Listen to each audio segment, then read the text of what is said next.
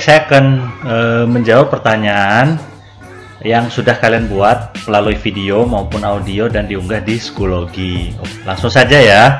Pertanyaan pertama dari Mbak Uun Kusyatun. Nah, Mbak Uun ini sepertinya tertarik dengan bahasan akhlak, karakter, dan religius. Oke, Mbak Uun, Anda harus uh, belajar ya banyak membaca dan memahami silahkan kalau untuk memahami itu sumbernya bebas ya bisa dari blog bisa dari medsos juga boleh dari YouTube kalau untuk memahami ya ini Anda harus bisa memahami dan apakah sama atau perbedaannya apa sih antara akhlak, karakter dan religius. Itu pertama. Yang kedua, kalaupun misalnya Anda memilih oh maksudnya karakter Pak ya kan, karakter. Karakter itu ada banyak sekali. Anda harus spesifik ya memilih. Kalau dalam konteks kurikulum 2013 itu ada beberapa karakter kalau tidak salah belasan ya. Itu Anda harus menentukan karakter yang mana Oke, itu yang uh, jadi dalam karya uh, skripsi itu harus spesifik. Yang kedua, bisa tidak diangkat penanaman karakter di SDIT. Oke, berarti Anda ingin melakukan studi kasus ya. Karakter, karakternya apa? Saya tunggu ya yang spesifik. Nah, Anda itu sudah menembak salah satu SD yaitu SDIT untuk dijadikan uh, objek penelitian Anda Oke, untuk latar belakang, it, anda yang uh, Anda tadi membahas tentang degradasi karakter atau penurunan religiusitas siswa SD itu, menurut saya tidak apa-apa, bagus ya, karena memang nyatanya seperti itu dan itu adalah masalah. Itu apa yang kita harapkan atau yang diharapkan oleh pendidikan Indonesia tidak sesuai dengan kenyataan. Itu namanya masalah. Nah, tetapi Anda hati-hati, tidak boleh dari awal sudah menunjuk ingin di SD ini, tidak ya. Kalau Anda ingin studi kasus, harus memilih SD atau beberapa SD yang dia itu bagus sekali atau jelek sekali dalam kaitannya dengan karakter itu. Misal, karakter kedisiplinan. Berarti Anda akan mengkaji kasus itu di mana? Di SD mana pertanyaannya? carilah SD yang paling bagus kedisiplinannya hasil dari anak-anaknya oh terkenal disiplin datanya menurut misal dinas pendidikan eh, Jawa Tengah atau Kabupaten eh, Jepara SD ini memiliki tingkat kedisiplinan tertinggi nah itu bisa dijadikan studi kasus atau dari wawancara dengan di kepala dinas pendidikan bahwa ternyata SD ini yang kedisiplinannya paling jelek. Lah itu paling bagus atau paling jelek itu yang baru bisa diambil menjadi studi kasus ya. Tidak boleh dari awal sudah memilih SDIT ini SDIT itu tidak boleh. Itu uh, nanti hasilnya kurang bagus. Ilmu yang atau hasil data yang didapat kurang bagus. Dan apakah ada referensi internasional? Ada pasti ada ya uh, Anda mau mengangkat apa pun justru referensi internasional maksud maksud saya internasional ini berarti kan di luar bahasa Indonesia ya. Paling banyak itu bahasa Inggris. Referensi internasional pasti lebih banyak dibanding bahasa Indonesia.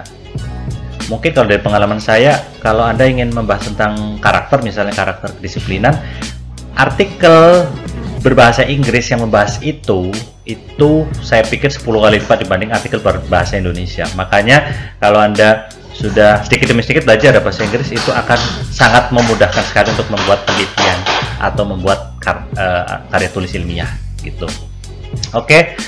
Selanjutnya dari Mbak Devi Setianingsih. Ya, pertama jadwal pasti konsultasi ingin kejar target. Oke ya. Kejar target saya setuju. Saya juga ingin kejar target dalam 14 pertemuan ini Anda jadi semprot yang bagus, yang ready ya kalau memang Anda semua berkenan untuk nanti dibimbing saya dalam skripsi, maka juga saya akan me meminta memohon ke Sekprodi supaya uh, semua bimbingan Semprot saya menjadi bimbingan skripsi saya semuanya. Seperti yang dilakukan saya tahun lalu, saya uh, menawarkan silakan siap kalau yang ingin lanjutkan nanti saya saya akan uh, meminta kalau tidak ada yang kurang berkenan di bimbing saya dalam skripsi ya silakan mengajuk uh, saya tidak akan mengajukan nanti anda akan di plotting oleh sekprodi pembimbing baru. Tapi kalau memilih pembimbing saya pikir mungkin tidak bisa ya. Tapi tidak ma tidak mau itu bisa. Menolak ya misalnya saya tidak mau dibimbing Pak Taufik bisa. Tetapi saya ingin dibimbing siapa? Sepertinya tidak bisa itu oke? okay? Nah kejar target yang saya lakukan sekarang sudah kejar target mbak. Jadi ah, kemarin ada disuruh membuat ide pokok itu sebenarnya e, cara saya supaya kalian itu membaca. Intinya skripsi kuncinya pertama kuat membaca. Kalau anda tidak kuat membaca e, malas-malasan membaca jangan pernah berhalusinasi untuk bisa membuat skripsi dengan cepat dan baik. Itu ya. Jadi saya e, caranya kalau menurut anda ingin jadwal konsultasi satu persatu mungkin e, sementara ini tidak bisa saya berikan ya karena waktunya lama sekali kalau satu persatu seperti itu. Anda ikuti saja apa yang sudah di pertemuan di psikologi itu dengan baik, dengan jujur ya. Jangan misal kemarin buat ide pokok copy paste copy paste hanya sekedar menggugurkan tugas, ya tidak masalah yang rugi akan Anda sendiri sendiri ya itu. Itu intinya saya se, apa mendukung Anda untuk kejar target. Nah, mungkin Anda yang merasa bahwa kejar targetnya caranya bagaimana itu yang kita tidak sama ya. Uh, uh, mohon maaf mungkin bisa ikuti saja yang sudah saya rencanakan. Oke. Okay. Anda ingin kesiapan mahasiswa menerapkan tematik online? Kemudian kesiapan guru menghadapi siswa yang terbiasa daring. Menurut saya ini menarik ya Anda bisa mengangkat masalah itu nah uh, memang jangankan tematik online ya, tematik offline saja itu sulit ya. Dan saya tidak yakin banyak guru baru ya, fresh graduate. Ini jadi bukan kesiapan mahasiswa ya, tapi kesiapan guru lah, guru SD ya, guru SD muda kalau misalnya anda mau lebih spesifik untuk menerapkan tematik online. Ya boleh, nanti bisa bisa kualitatif atau survei ya, survei kuantitatif berarti seberapa siap sih sebenarnya guru-guru untuk uh, mengajar online tematik? Apakah tema online tematik dengan uh, online yang bukan tematik itu berbeda? Bisa. Kemudian yang kedua ada kesiapan guru menghadapi siswa yang terbiasa daring. Uh, ini juga menarik ya bisa bisa anda angkat. Karena ya sama ke kemarin kesiapan guru online yang biasanya offline jadi online kan juga belum banyak yang membahas atau meneliti. Eh, kebalikannya nanti setelah sudah terbiasa online ini kan sudah satu tahun ya tiba-tiba jadi offline apakah siap juga gurunya? Nah itu bisa. Silakan coba anda cari-cari uh, seberapa banyak penelitian yang mengkaji itu. Oke selanjutnya Mbak Ervin Uswatu Nisa apakah bisa penelitian di satu SD pada hakikatnya bisa asal ya ini kalau maksud anda studi kasus ya asal Anda itu benar-benar menemukan SD yang memiliki kriteria uh, untuk Anda kaji itu dengan baik. Contoh, saya ingin me, ini literasi ya, ini Anda tertarik dengan literasi. Saya ingin me, saya akan meneliti SDX tentang literasi. Nah, anda harus hati-hati, literasi itu banyak sekali umum. Anda harus spesifik literasi yang mana. Coba Anda belajar lagi ya, literasi digital kayak bahkan ada literasi kopi. Nah, ada mau meneliti literasi kopi ya. Silakan jadi pelajari dulu apa itu literasi dan literasi yang mana harus spesifik ya harus jelas. Misalnya Anda mau meneliti literasi digital SD di SD ya. Terus SD mana yang bisa Anda teliti untuk studi kasus? Mau satu saja tidak apa-apa, tapi berikan itu tunjukkan bukti bahwa SD tersebut misal dia mendapatkan juara satu SD literasi digital terbaik tingkat Jawa Tengah. Itu SD itu boleh boleh sekali. Tetapi kalau anda tidak bisa menunjukkan datanya bukti-buktinya maka kemungkinan saya akan menyarankan anda mengambil beberapa SD untuk merepresentasikan apa daerah tertentu. Misal anda uh, orang Blora kemudian Anda ingin meneliti SD ya, literasi SD di Blora ya sudah berarti ambil 4 atau 5 SD di Blora yang uh, merepresentasikan SD-SD di Blora. Itu tentang itu. Nanti seperti apa sih kemudian kondisi literasi SD-SD di Blora itu ya? Jadi kenapa? Jadi mungkin kalau anda tanya kakak tingkat, oh kalau bimbingannya Pak Taufik tidak boleh meneliti di satu SD, bukan tidak boleh, tetapi kalau memang anda bisa menunjukkan bahwa itu bisa hanya dengan satu SD itu layak untuk diteliti, boleh. Hanya kenyataannya banyak mahasiswa itu tidak, ya bimbingan saya tidak bisa menunjukkan bukti bahwa satu itu bisa diteliti. Jadi ini saya ambil anda bukan satu tetapi beberapa untuk merepresentasikan daerah yang Anda teliti gitu. Dua, apakah wajib di Solo Raya? Tidak Beda PTK dan kualitatif. Oke, PTK itu penelitian tindakan kelas itu salah satu jenis penelitian tindakan. Penelitian tindakan adalah penelitian yang tujuannya untuk memperbaiki uh, kondisi dari ses, uh, kondisi tertentu ya, memperbaiki ya atau meningkatkan. Makanya kalau penelitian tindakan itu judulnya mesti uh, memper, uh, meningkatkan kemudian mengembangkan semacam itu bukan mengembangkan maaf meningkatkan kemudian apalagi ya memperbaikilah intinya jadi kalau penelitian dengan kelas anda menemukan masalah di kelas ya ingat semua penelitian karena untuk memecahkan masalah ya semua penelitian karena untuk memecahkan masalah bukan karena kepo penasaran atau tertarik atau minat atau dekat rumah tidak tapi karena ada masalah dulu kalau penelitian tindakan, maka ingin memecahkan masalah, eh, meningkatkan atau memperbaiki. Contoh, Anda menemukan masalah di kelas Anda bahwa materi IPA, eh, materi IPA yang apa misal ekosistem itu nilainya belum mencapai hasil belajar yang bagus. Nah, Anda melakukan penelitian tindakan dengan mencobakan, mengeksperimenkan, menguji cobakan misal metode tertentu atau media tertentu, kemudian dicobakan ke kelas tersebut sampai meningkat. Nah, sampai meningkat. Jadi tujuannya untuk meningkatkan. Itu kalau penelitian tindakan. Sedangkan kualitatif, nah, ini sebenarnya Anda membandingkan sesuatu yang tidak sederajat ya. Kalau penelitian ada dua pendekatan, kuantitatif dan kualitatif ya. Dan campuran. Campuran. Nah kalau anda anda pertanyaannya apa bedanya kualitatif dengan kuantitatif? Ya itu sederajat. Tapi kalau apa bedanya PTK dan kualitatif itu sebenarnya tidak sederajat.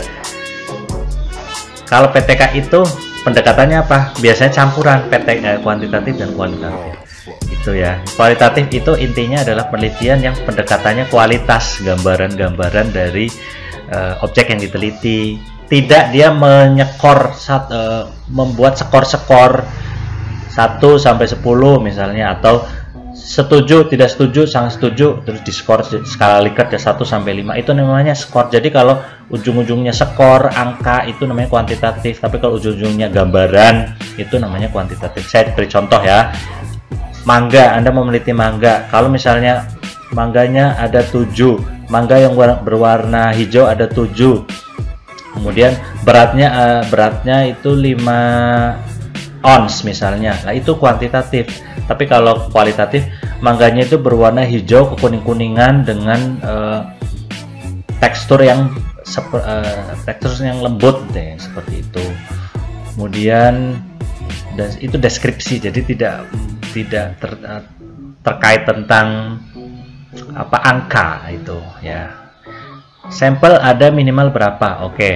nah ini yang mungkin yang ada maksud kalau misalnya eksperimen itu kan memang nanti ada uji ini ya ada uji yang menggunakan SPSS atau ada uji statistika. Oke. Uh, ini biasanya penelitian komparasi Anda akan menguji coba uh, kalau di PGST setahu saya yang dibolehkan penelitian komparasi ya Anda menguji metode A dengan metode B untuk pembelajaran materi tertentu. Sampelnya berapa? Ya. Berarti kan itu ada dua kelas ya kelas kelas eksperimen kelas kontrol. Nah ini minimal 30 ya. Minimal 30 kalau yang dimaksud itu. Tapi kalau misalnya kuantitatif umum ya bukan eksperimen ya. Maksudnya misal survei Anda ingin tahu sebenarnya berapa sih eh, mahasiswa PGSD yang menyukai datang ke perpustakaan misalnya. Nah, itu ada beberapa metode pengambilan sampel ya. Setahu saya pokoknya uh, apa ya saya lupa. Saya juga kurang concern di kuantitatif ya tetapi 25% ada heading 25% hmm, ada yang 10 juga ada 10% jadi minimal kalau sampel kalau anda sudah menentukan populasi itu yang salah satu cara pengambilan sampel itu 10% dari uh, populasi tersebut. Tapi ada hitungannya ya, ini tidak pasti. Tapi minimal 10% lah, itu kalau mau main aman. Nah, kalau yang sampel yang tadi untuk eksperimen 30 anak per kelas. Jadi Anda membutuhkan dua kelas dengan minimal 30 anak. Kalau kurang dari 30 anak bisa tidak sebenarnya bisa tapi dengan uji statistiknya berbeda. Oke. Okay. Lokasi sama beda masalah bolehkah? Boleh ya karena masalahnya berbeda ya boleh. Kesiap uh, Anda Mbak Ervin ini kesiapan ortu sekolah anak dalam pembelajaran daring. Ya bisa sih karena memang ini yang coba coba anda searching apakah sudah ada penelitian tersebut. Ingat penelitian yang kalau sudah banyak diteliti diulang-ulang terus pertanyaan rumusan masalahnya sama itu adalah penelitian jenuh ya. Jangan diambil. Karena sudah ditanyakan sudah dijawab sudah diteliti masa diulangi lagi tapi itu di Bandung Pak misalnya di Sragen belum ada. Ya kalaupun tidak meneliti di Sragen kemungkinan jawabannya akan sama. Kalau kemungkinan jawabannya sama namanya mubazir penelitiannya. Oke? Itu masalah fasilitas literasi buku minim. Nah ini tadi ya Anda harus memahami literasi itu apa dan spesifiknya literasi apa itu Kemudian Anda juga tertarik dengan nilai karakter dari bahasa Jawa. Boleh-boleh saja sih Anda ingin menganalisis ya, menguraikan nilai karakter apa dari apa misalnya dari permainan juga boleh misalnya apa itu e, cukup menarik ya. Yang penting Anda menunjukkan bahwa ini adalah masalah yang eksis ya, masalah yang ada dan urgent. Oke, okay. next Mbak Rina Ulwiatus Saadah uh, tertarik dengan analisis penilaian otentik berbasis karakter buku siswa.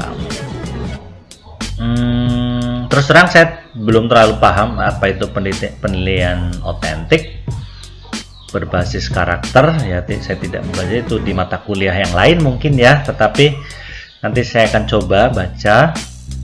Anda ingin menganalisis di buku siswa eh, penilaian autentik berbasis karakternya? Ya, cukup menarik ya.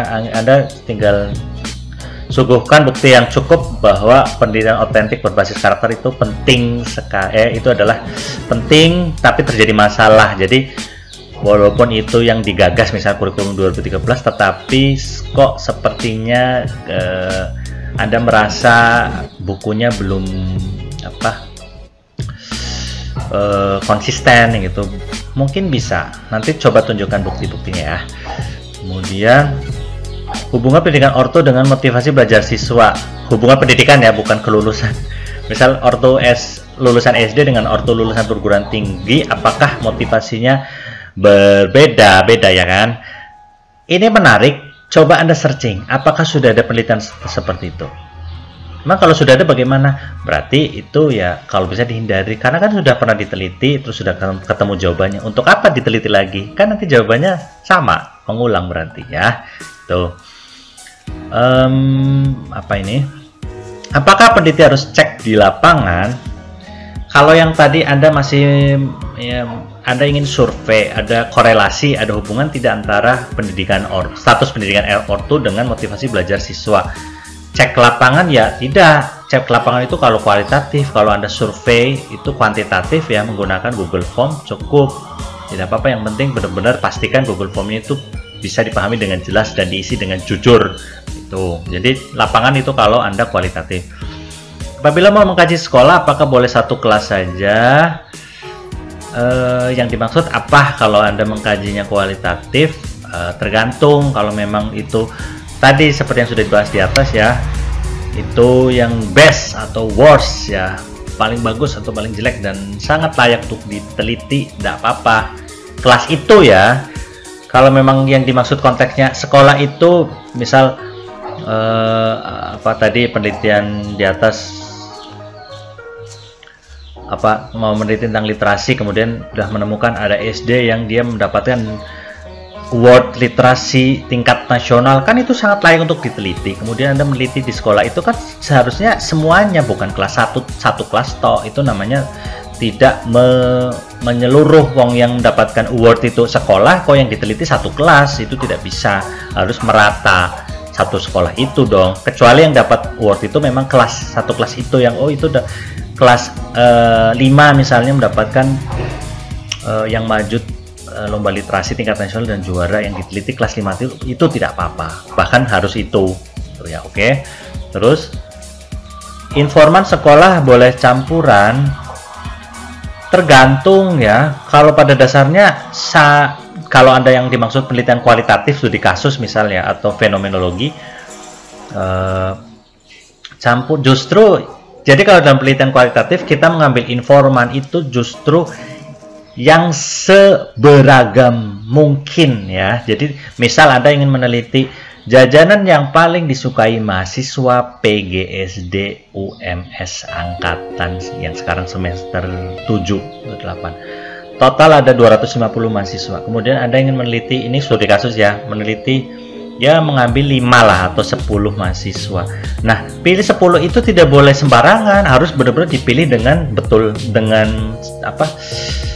seberagam mungkin. Jadi tidak boleh Anda mengambil 10 mahasiswa cewek semua atau cowok semua itu namanya tidak beragam mau mahasiswa PGSD angkatanmu itu cowok cewek ya harus ada cewek ada sudah cowok kemudian mungkin oh karena ini yang tadi jajan ya ada hubungannya dengan uh, tempat tinggal dari mahasiswa tersebut. Jadi nanti pilih ada mahasiswa yang uh, apa dari Jawa atau luar Jawa di Solo Raya bukan Solo Raya. Jadi seberagam mungkin harus. Jadi kalau ngomong campuran justru harus campuran. Kecuali memang judul Anda sudah meneliti tentang SD negeri ya tidak boleh tuh swasta gitu ya. Boleh penelitian di daerah masing-masing? Boleh. Sekarang Mbak Febrianti peran ortu terhadap hafalan Al-Quran. Ya ini kalau memang ada masalah terkait itu ya hafalan Al-Quran saya pikir banyak masalah ya. Memang kita saja mahasiswa PGC kan untuk menghafal satu juz itu sangat-sangat banyak masalah ya itu jadi bisa lah ya, Anda tinggal tunjukkan saja buktinya ada masalah ini. Apakah boleh sama atau mengulang? E, mengulang tidak boleh ya karena meneliti untuk memecahkan masalah. Kalau memang ada yang sudah pernah meneliti itu kemudian sudah menemukan jawaban untuk apa diulangi kan nanti jawabannya sama solusinya solusinya carilah yang penelitian itu masih yang belum ada atau masih sedikit sekali diteliti. Nah, tetapi ini biasanya mahasiswa itu merasa saya belum tidak menemukan penelitian itu padahal mahasiswa tersebut yang memang kurang cakap dalam searching artikel ya itu. Jadi kalau ada mahasiswa mengatakan, "Pak, saya ini sudah mencari ini terus belum ada penelitian ini." Saya tidak akan langsung percaya, saya akan searching ya kemampuan searching saya dengan anda mungkin berbeda ya karena saya sudah sering searching jadi mungkin saya lebih bagus ya nah nanti saya biasanya menemukan nah ini apa ini apa ini apa berarti uh, jangan mudah mengatakan itu sebelum Anda benar-benar maksimal dalam searching. Oke. Okay? Eh, ini apa? Responden bagaimana? Apakah bisa sampel? Nah, anda harus mempelajari dengan benar apa itu penelitian kualitatif dan kuantitatif. Kualitatif itu juga ada macam-macam, ada studi kasus, analisis konten, fenomenologi, grounded, uh, dan sebagainya. Kalau kuantitatif ada misal eksperimen, korelasi kemudian uh, apa sih macam-macam lah kuantitatif juga ya nanti coba anda buka terus responnya bagaimana apakah bisa sampel ya tergantung mbak kalau anda memang uh, kuantitatif ya dengan populasi tertentu misal Kabupaten Sragen atau Indonesia yang mengambil sampel itu harus sesuai dengan kriteria pengambilan sampel kuantitatif. Misal tadi sudah dikatakan 10% minimal. Itu misal sampel random sampling berarti 10% dan ngacak diacak. Kalau purposive sampling ya berarti Anda 10% dan udah dipilih. Misal oh dari ya, apa Indonesia bagian barat 10% eh 10% 5% Indonesia bagian timur 5% nah itu. Tapi kalau responden bagaimana? Kalau Anda mengambilnya kualitatif, misal studi kasus, yaitu memilih informan pun informannya itu ya sesuai dengan kriteria. Sedikit, dia paling 5 atau 6 itu kemudian harus benar-benar 6 itu tapi tidak milihnya asal tapi memenuhi kriteria-kriteria yang supaya Anda bisa mendapatkan data yang seberagam atau mewakili dari populasi tersebut. Walaupun dari kualitatif itu tidak kita tidak menggunakan istilah populasi sampel ya, tapi pada hakikatnya ya sebenarnya ada juga populasi sampel hanya sampelnya kualitatif itu sedikit tapi berkualitas. Kalau popula eh, sampelnya kuantitatif itu banyak yang penting banyak minimal kayak 10% semakin banyak semakin bagus. Oke.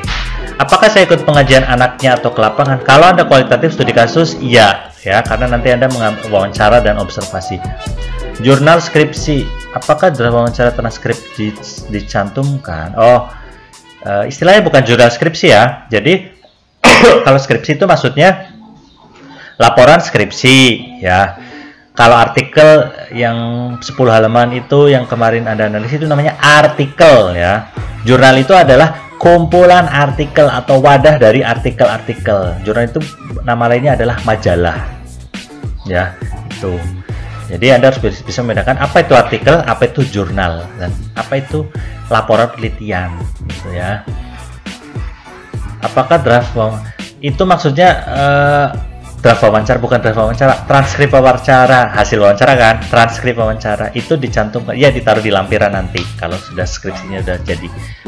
Apakah wajib lebih dari satu SD tadi sudah dibahas. Oke. Okay. Mbak Frida Febriani Chandra Dewi apakah tema boleh COVID? Boleh sekali. Karena memang sekarang banyak masalah COVID kontekstual boleh sekali. Takut saat sidang sudah tidak pandemi tidak perlu takut ya karena waktu ada penelitian masih pandemi ya boleh misal penguatan karakter saat pandemi covid apakah artikel boleh dari prodi lain atau wajib PGSD boleh dari prodi lain. Nah tetapi ini sekarang kalau kita membahas tentang relevan relevan ya kalau memang kita sedang meneliti anak-anak ya anak-anak usia SD kan berarti 6 sampai 12 tahun ya kalau bisa carilah artikel yang paling relevan. Jadi bahasnya anak-anak ya. Entah itu anak di SD atau anak jalan atau apa pokoknya umurnya sama ya itu. Kalau memang dicari-cari cari-cari minim sekali yang PGS eh, yang SD yang anak SD boleh tidak apa-apa dari PAUD atau dari SMA SMP itu tetapi kan akan uh, apa namanya lebih bagus lagi anak-anak ada meneliti anak-anak uh, kajiannya juga artikel-artikel uh, apa tinjauan pusatnya juga anak-anak. Kan sesuai kan? Karena apa katanya beda. Uh, usia anak dengan usia remaja mungkin berbeda ya. Jadi nanti kurang relevan kecuali tadi ya sudah memang tidak ada. Boleh prodi lain berarti. Kemudian uh, ini menarik ya mungkin kalau memang ada concern di ini karena tunjukkan bahwa itu ada masalah dan penelitian Anda uh, dan kaj kajian ini layak untuk diteliti. Implementasi sikap disiplin ortu dalam keterlibatan anak di desa X dalam masa pandemi ya oke okay lah menurut saya. Selanjutnya Mbak Faradiah Nurul Rahmawati. Apakah harus meneliti moral siswa secara kualitatif? Bisa, kualitatif, kuantitatif bisa-bisa saja. Minat belajar yang rendah saat COVID bisa diteliti, bisa juga karena memang ini masalah yang eksis ya yang ada. Minat belajarnya uh, sangat turun drastis ya. Saya tidak tahu memang anak sekarang minat belajarnya kurang dibanding dulu. Ini harus dipecahkan, makanya bisa diteliti ya. Apa harus ada nama SD atau desa lebih baik mana? Tergantung sih. Kalau memang ada meneliti SD ya nama SD, kalau desa desa lebih baik mana? Tergantung ya bisa bisa dua-duanya lah. Ingin kualitatif moral atau minat? Hmm, bisa-bisa saja dua-duanya sama-sama masalah yang per, uh, ada beberapa masalah yang belum terpecahkan dan harus dipecahkan dengan penelitian. Nah, salah satunya mungkin penelitian Anda. Apakah judul dibatasi variabel? Nah, kalau Anda membahas variabel berarti mungkin Anda sedang membahas tentang penelitian kuantitatif ya, eksperimen atau korelasional ya misalnya, komparatif variabelnya saya kurang paham ya. Lupa tapi kalau di PGC kalau tidak salah uh, apa variabelnya harus tiga seperti ya. Coba nanti lihat di pedoman deskripsi PGSD itu apakah masalah daerah sekitar atau umum? Bebas ya. Tergantung yang ada masalah di mana. Terakhir nah, terakhir peran capsec kebanyakan hanya mengevaluasi apakah hanya itu. Uh, kalau misalnya capsec itu kan manajer ya mengelola itu yang paling umum ya kan jelas merencanakan melaksanakan mengevaluasi. Jadi kalau hanya menilai-nilai saja menurut saya mungkin itu kurang belum sempurna ya. Itu jadi harus ikut dalam andil dalam merencanakan melaksan dalam pelaksanaannya bagaimana dan evaluasinya bagaimana peran Capsec sebagai motivator inovator dalam ekskul di SD ya menurut saya ini oke okay ya karena ada masalah ya di SD apalagi ekskulnya kan ada apa tidak ya beda-beda. Capsec perannya bagaimana? Anda bisa mengambil di uh, kabupaten tertentu kemudian pilihlah 4 atau 5 SD yang merepresentasikan kabupaten Anda itu bisa. Cari datanya bagaimana? Cari datanya Anda memilih 4 atau 5 SD di kecamatan yang berbeda-beda yang sangat beragam ya. Mungkin ada yang negeri ada yang swasta ada yang kecil ada yang besar. Terus perannya bagaimana? Cari datanya bagaimana? Anda observasi ke situ dan wawancara. Tetapi kalau misalnya oh sekarang kan sekolahnya sedang bubar ya. Bubar sementara. Ya mungkin observasi mungkin kurang bisa dokumentasi bisa ya dengan album-album kenangan yang ada di situ catatan-catatan rapat yang ada teliti berarti sebelum pandemi misal atau kalau pas pandemi juga boleh tapi saya tidak paham apakah ekskul masih jalan apa tidak di tengah pandemi itu oke okay. oke okay, itu sudah saya jawab semua nah tapi ini ada beberapa kesimpulan ya. Satu, kalau Anda dalam mengkaji tertentu itu harus benar-benar memahaminya ya. E, memahaminya. Kalau dalam memahami, mungkin kalau Anda hanya baca artikel penelitian itu dengan bahasa yang kaku dan bahasa formal, kurang-kurang paham, tidak apa-apa. Anda, misal tadi Anda literasi, Anda banyak sekali mahasiswa yang tidak paham literasi itu apa ya. Nah, solusinya bagaimana silakan anda benar-benar mendalami memahami itu apa literasi bisa cari di YouTube atau di blog juga di bawah itu kan dengan bahasa gaul kan seperti itu paham dulu tidak apa-apa. Nanti masalah menulis nanti deskripsi nah itu baru sumbernya harus dari artikel ilmiah laporan penelitian itu ya. Jadi beda cerita ya kalau anda untuk menulis dan memahami. Tuh. Yang kedua anda juga harus belajar nah ini tentang penelitian yaitu pendekatannya dua kualitatif kuantitatif. Kemudian jenis-jenisnya itu ada analisis. Tadi ada beberapa dari anda menyebutkan ada, ada yang mau analisis konten buku ada yang mau studi kasus ada yang mau korelasi survei itu kan? Ada yang eksperimen. Itu ada macam-macam. Coba anda uh, pelajari semua ya. Terutama juga yang mau terutama yang mau anda ambil. Itu karena berbeda-beda